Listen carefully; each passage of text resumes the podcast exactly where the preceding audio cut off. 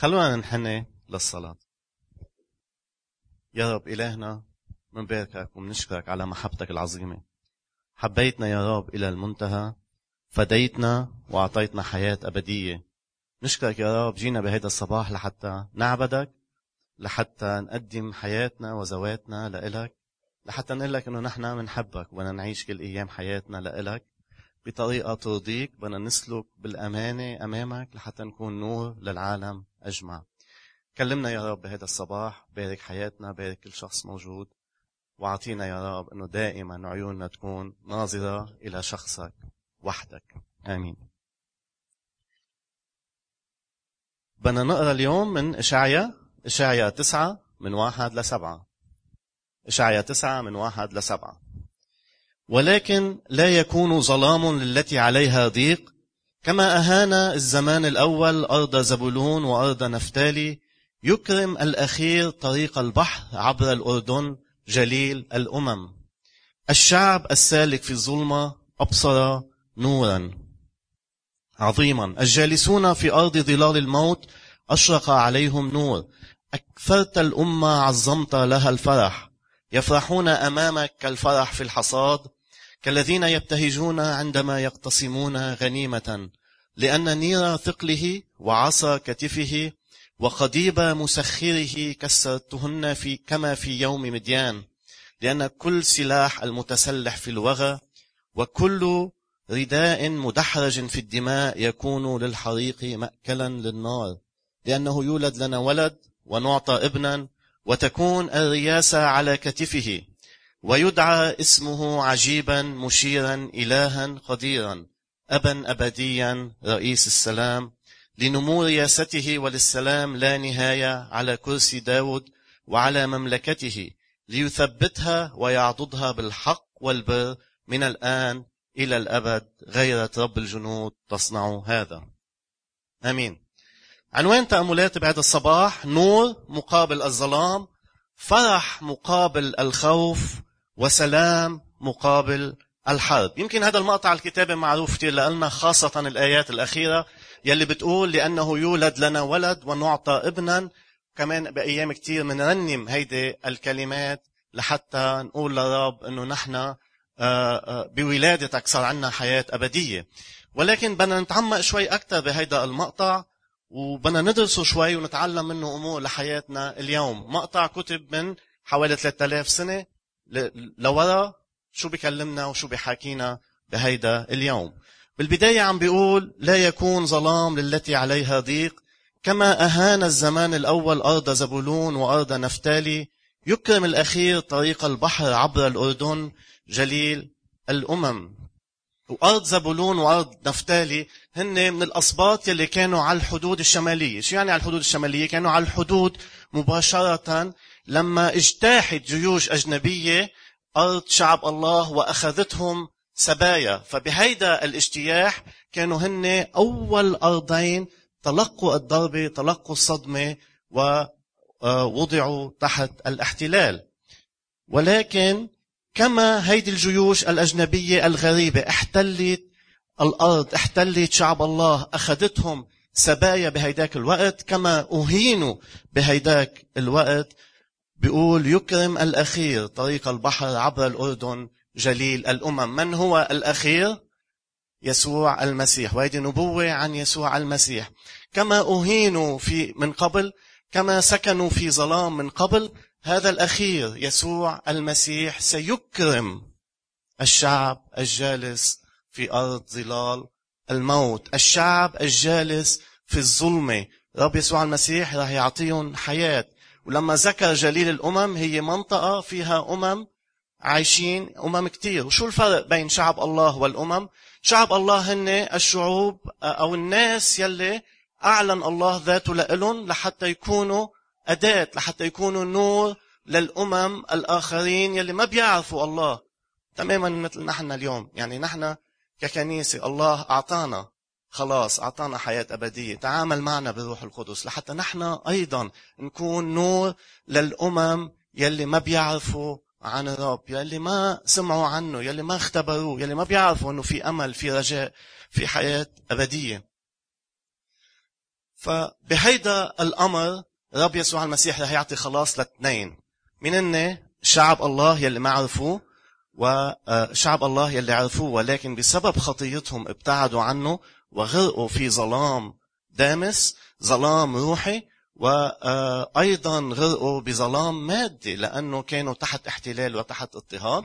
والأمم الثانية أيضا يلي كان المفروض هيدا الشعب يخبرهم عن الله الإله الحقيقي ولكن غرق بخطيته والتهى بحياته وتحدياته ونسي مهمته وإرساليته وهيدي الأمم يلي ما سمعت ولا مرة رح تعرف ولأنه هي أيضا بعيدة عن الله عايشة بظلام رح تعرف عن الخلاص وعن الحياة آه، بسبب ولادة الرب يسوع المسيح.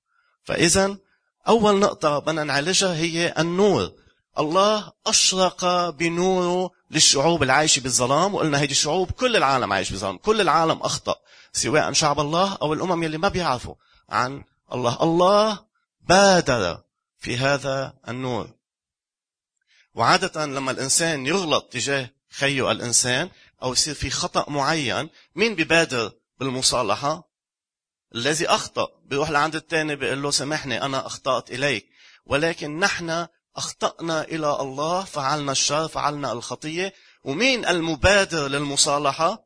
الله يلي أخذ المبادرة للمصالحة. الله هو يلي أشرق بنوره علينا لأنه نحن عايشين في ظلام. والنور ليس لأجل أي أمر نحن فعلناه وليس مكافأة نحن ما بنستحق أي شيء ولكن من محبة الله العظيمة أنه أشرق بنوره. والنور في الكتاب المقدس مساوي لحضور الله. يعني لما يتكلم عن النور يعني الله بذاته موجود. بيقول مثلا بإشعيا 42 16 أسير العمي في طريق لم يعرفوها في مسالك لم يدروها أمشيهم وأجعل الظلم أمامهم نور. أنا أسيرهم عم بيقول ب 2 صموئيل 22 بيقول لأنك أنت يا رب سراجي الرب يضيء في ظلمتي. فإذا النور في الكتاب المقدس وبكتير آيات تانية مساوي لحضور الله. إذا كان النور مساوي لحضور الله كيف بنكون أنقذنا من الظلمة؟ بنكون أنقذنا من الظلمة من خلال الله نفسه من خلال ذاته من خلال شخصه الله هو يلي إجا وأنقذنا من هيدي الظلمة. لأنه يولد لنا ولد ونعطى ابنا. من خلال يسوع المسيح يلي تجسد وولد وعاش ومات وقام من أجل خطايانا نحن. اذا أشرق الرب بنوره وخطية هذا العالم ظلام هذا العالم ظلام آه، اللي عايشين فيه كل الناس لن تستطيع أو لن يستطيع هذا الظلام أن يطفئ هذا النور لن يستطيع أن يمنع أنه الله يعلن ذاته للبشر ولكن يبقى الخيار للإنسان. النور موجود والظلمه موجودة ويبقى الخيار للإنسان أن يختار. لأن الله لا يفرض ذاته على أحد. الله يحترم إرادتك بده إياك تخلص وأشرق بنوره لحتى تخلص ولكن الخيار لإلك. جينا نحن اليوم لحتى نعبد الرب. ويمكن كتار منا سلموا حياتهم للرب وعايشين بالنور من خلال إيمانهم بيسوع المسيح. شو دورنا هلأ؟ دورنا إنه هيدا النور يلي عنا إياه نعطيه للعالم نعطيه للأمم اللي عايشة بالظلام اللي عايشة اللي ما بتعرف عن الحياة الأبدية اللي ما بتعرف عن الخلاص اللي عايشة بيأس اللي غرقانة في الخطية. ما نغلط غلطة الشعب بالعهد القديم يلي كان مفروض أنه يكونوا نور للأمم ولكن التهوا بحياتهم وبتحدياتهم وبخطيتهم وكانوا يقوموا ويوقعوا يقوموا ويوقعوا. وما حققوا الإرسالية اللي كان لازم يحققوها مثل ما مفروض أنه يحققوها. بل آه، نتعلم من هيدا الدرس نتعلم من التاريخ نتعلم من هيدا الشعب. إنه نكون نور لأنه نحن الأدوات يلي رب بده يستخدمها لحتى يوصل للعالم. أما إذا كنت بعدك عم بتفتش على الحقيقة إذا كنت بعدك عم بتفتش على معنى للحياة إذا عم تسأل شو للحياه معنى إذا أنا بدي أعيش فترة من الزمن وبدي موت وعم نشوف كثير أصلا أشخاص مش عم بيعيشوا حتى بعز شبابهم عم بيموتوا. في موت في نهاية مؤلمة فشو لها معنى هيدي الحياة؟ بدي أقول لك اليوم إنه في أمل انت سمعت انه في امل في رجاء في نور. رب يسوع المسيح أعطى حياة أبدية وأصبح الإنسان بلا عذر. سامحني اليوم أنا سحبت منك هذا العذر. إذا ما بتعرف اليوم صرت تعرف مسؤوليتك أنك تختار. يا أما تعيش بالنور يا أما تعيش بالظلمة فإذا أول نقطة هي أنه الله أشرق بنوره. كنا كلنا عايشين بظلام والله أشرق بنوره. ثاني نقطة هي الفرح. نتيجة هيدا النور نتيجة يلي أنا آه، آه، عايش فيها بنور اخترت النور رح يصير في فرح.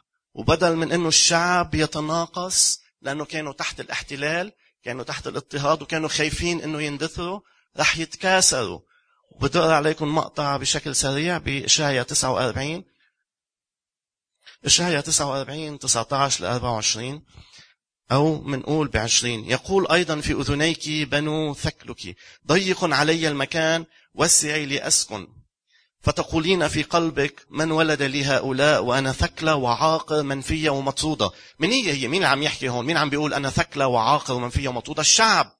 أوكي؟ عم بيقول أنا مطرود منفي تحت الاضطهاد تحت الاحتلال عايش بأرض غريبة. آه ناس محتليني ما بقى حضور الله في في وسطنا.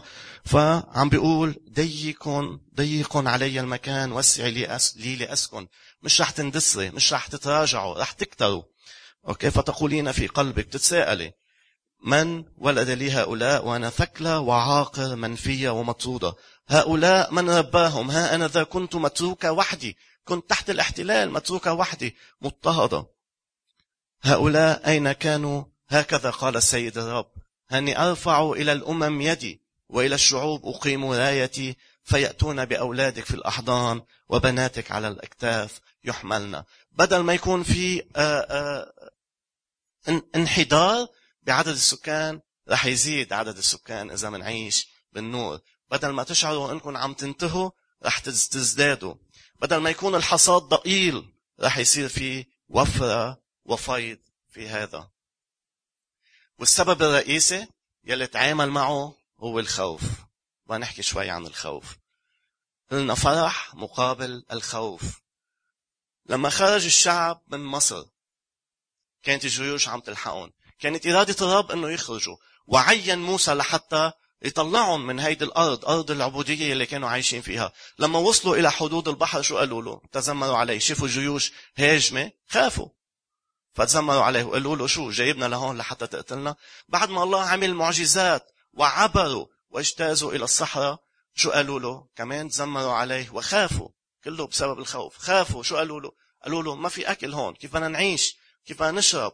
كنا عايشين هونيك رغم إنه كانوا بأرض العبودية بس كنا عم ناكل ونشرب وحنوا إلى أيام العبودية ولكن الله عمل معهم معجزات وأمن لهم طعام وشراب.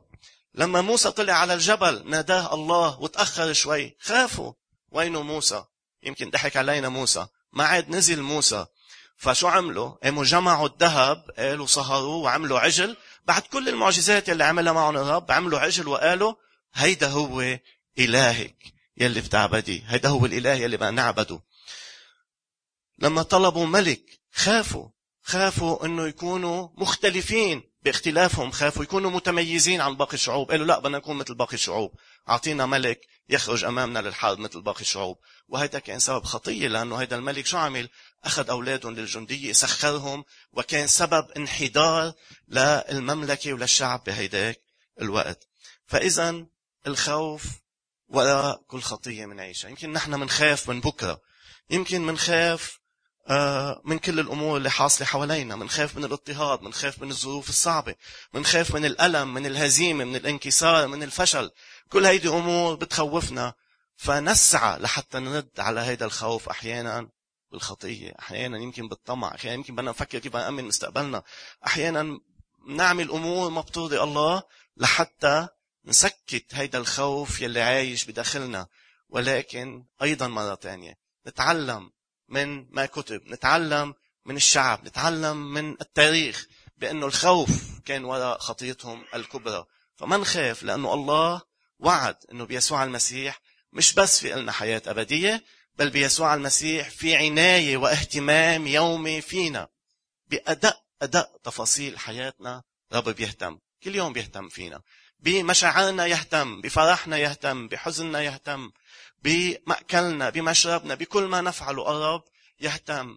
آه وقال بالعهد الجديد بمتى قال لا تهتموا آه آه بما تأكلون وما تشربون. الله بيأمن وبسد كل هيدي الاحتياجات. فما يكون الخوف هو يلي مسيرنا بل عناية الله واهتمامه وثقتنا فيه إنه هو معنا هيدا يلي مسير حياتنا. اذا الرب أعطانا النور في وسط الظلام والنور مساوي لحضوره. يعني الله أعطانا ذاته أعطانا شخصه. بنفسه الله أنقذنا.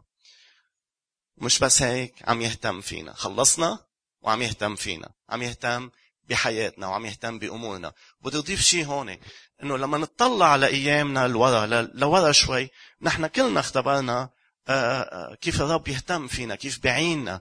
بس إذا أنا اليوم بضيقة إذا أنا اليوم بظروف صعبة معينة ما أنسى الرب شو عامل معي من ورا وقول اليوم الرب نساني اليوم الرب تركني وأتذمر على هذا الأمر. لا أتذكر إنه الرب بدأ معي اختبرته بكتير محلات بحياتي وأكيد رح يكمل معي. رغم إنه أنا اليوم ماني شايف آه، آه، الأمل رغم إنه يمكن ماني شايف رجاء ماني شايف مخرج آه، في ضيقة بحياتي لكن الرب يلي بدأ معي ويلي خرجني وأنا متأكد إنه كل واحد فيكم إذا بيطلع لورا بيقول الرب أنقذني من هالموقف ومن هالموقف ومن هالموقف وتعامل معي هون وهون وهون. ما أنسى كل هالتعاملات هيدي بل أتذكرها وأقول إنه الرب يلي بدأ معي بيقدر يكمل معي ويخرجني من الضيقة يلي أنا عايش فيها اليوم.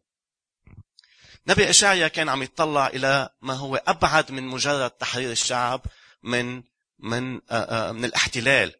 ولكن هن ما فهموا هذا الأمر. هن فهموا أنه تحريرهم مرتبط باحتلالهم. مشان هيك لما نوصل على العهد الجديد كانوا منتظرين قائد عسكري بمعنى آه، بزمن الرب يسوع. كانوا منتظرين قائد عسكري لحتى يخلصهم من الاحتلال الروماني ومن الجيوش اللي عم تحتلهم جيش بعد جيش وأمة بعد أمة. ولكن النبي إشعيا بهيدا المقطع كان عم يطلع إلى أبعد من هيدا الأمر. وفي شيء كتير مهم نتعلمه نحن من هيدا الشيء اليوم. في طرفين.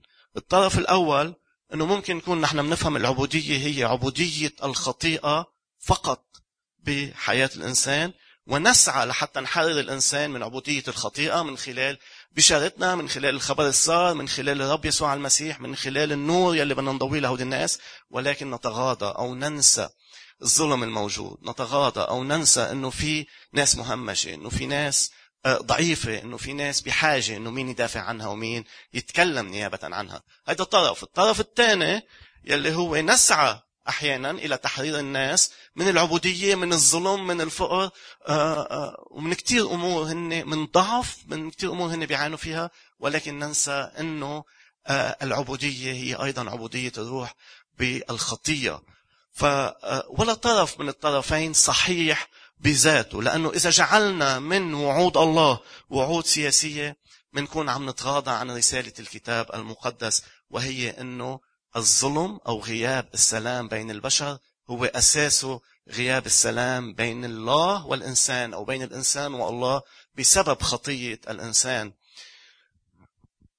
ومن ناحية أخرى ما فينا نقول إنه مغفرة الخطايا هي فقط كل ما يهم لأنه آه، رسالة الرب لنا إنه نكون صوت الضعيف والمهمش واليتيم والارمله وكل هيدي الأمور فكشعب الرب اختارنا أن نكون شعبه وفي عنا أمرين في عنا دورين بهيدا بهيدا بهيدي العالم بهيدا الحياة.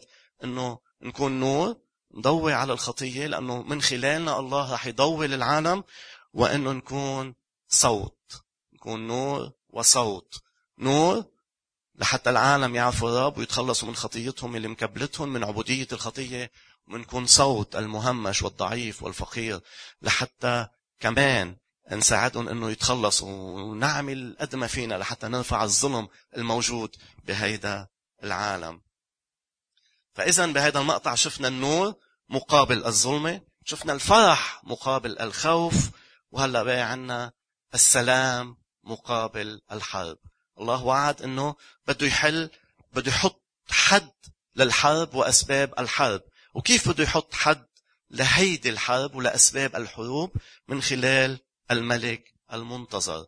فالله قال إنه في ملك منتظر بده يجي فإذا خطة الله الفدائية منا مجرد فكرة بذهنه بل هي عمل مجسد.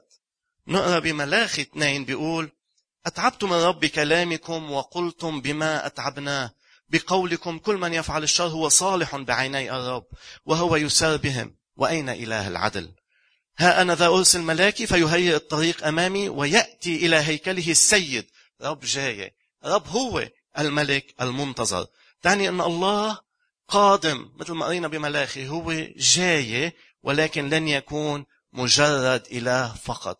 مش جاي بس من فوق إله لحتى يحط حد لهيدي الحرب بل إضافة إلى خصائص الإلهية رح ياخد خصائص بشرية رح ياخد خصائص إنسانية من خلال تجسده من خلال ولادته هذا هو الملك المنتظر.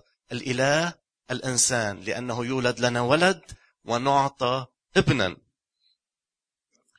صفة الولد بنبوة إشعياء كتير مهم. هو وصفه لهيدا الملك المنتظر كولد. ما قال إنه هو قائد عسكري جاي يخلصنا. ما قال إنه هو سياسي محنك جاي يخلصنا. ولا قال إنه هو قائد ثورة لحتى ينهي الحرب.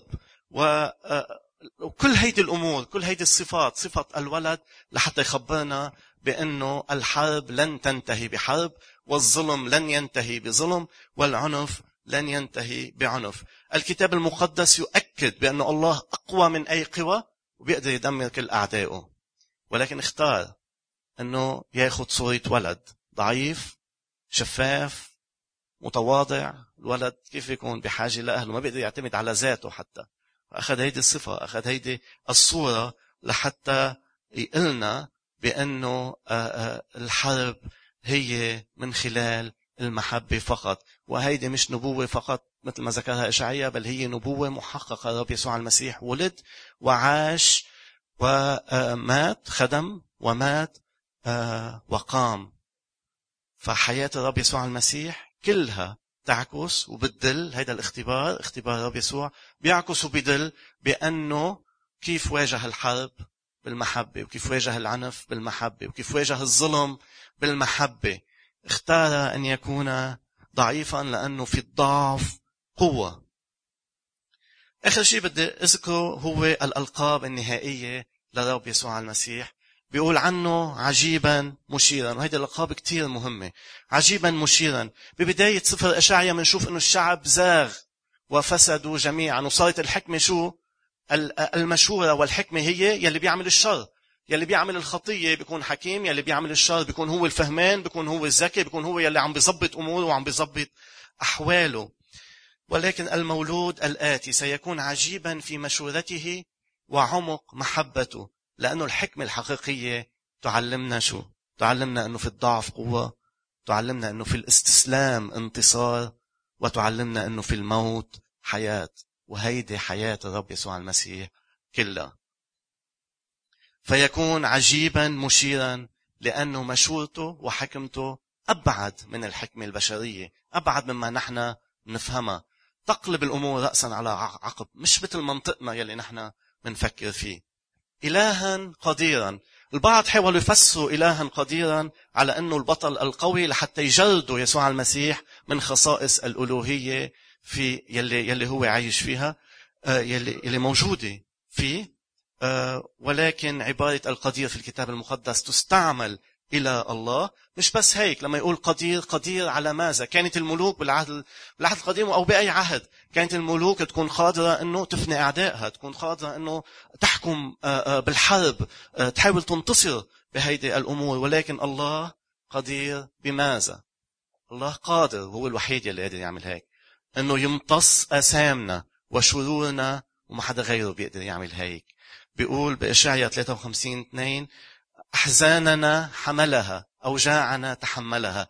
ونحن حسبناه مصابا مضروبا من الله. شو يعني؟ يعني نحن شفناه شفناه آه، عم يتألم شفناه عم يتحاكم نحن قلنا عمل شيء غلط لحتى الله عم يضربه هيدي الضربة. ونحن حسبناه مصابا مضروبا من الله. أما هو فمسحوق من أجل معاصينا مجروح من أجل آثامنا. نحن يلي غلطنا نحن المفروض كان نتحاكم ولكن هو أخذ هالحكم عنا. هو أخذ هذا العقاب عنا نحن. فهو قدير أنه يمتص أسامنا أسامنا نحن وخطايانا ويحملها آه، عنا لحتى نحن يصير في إلنا حياة أبدية. ولا ملك ولا شخص بيقدر يعمل هيدا هيدا الأمر. أبا أبديا كمان حاول البعض إنه يشككوا بألوهية المسيح ويقولوا إنه عبارة أبدي لا تعني أبدي إلى الأبد مثل ما نحن بنفهمها بل هي فترة زمنية.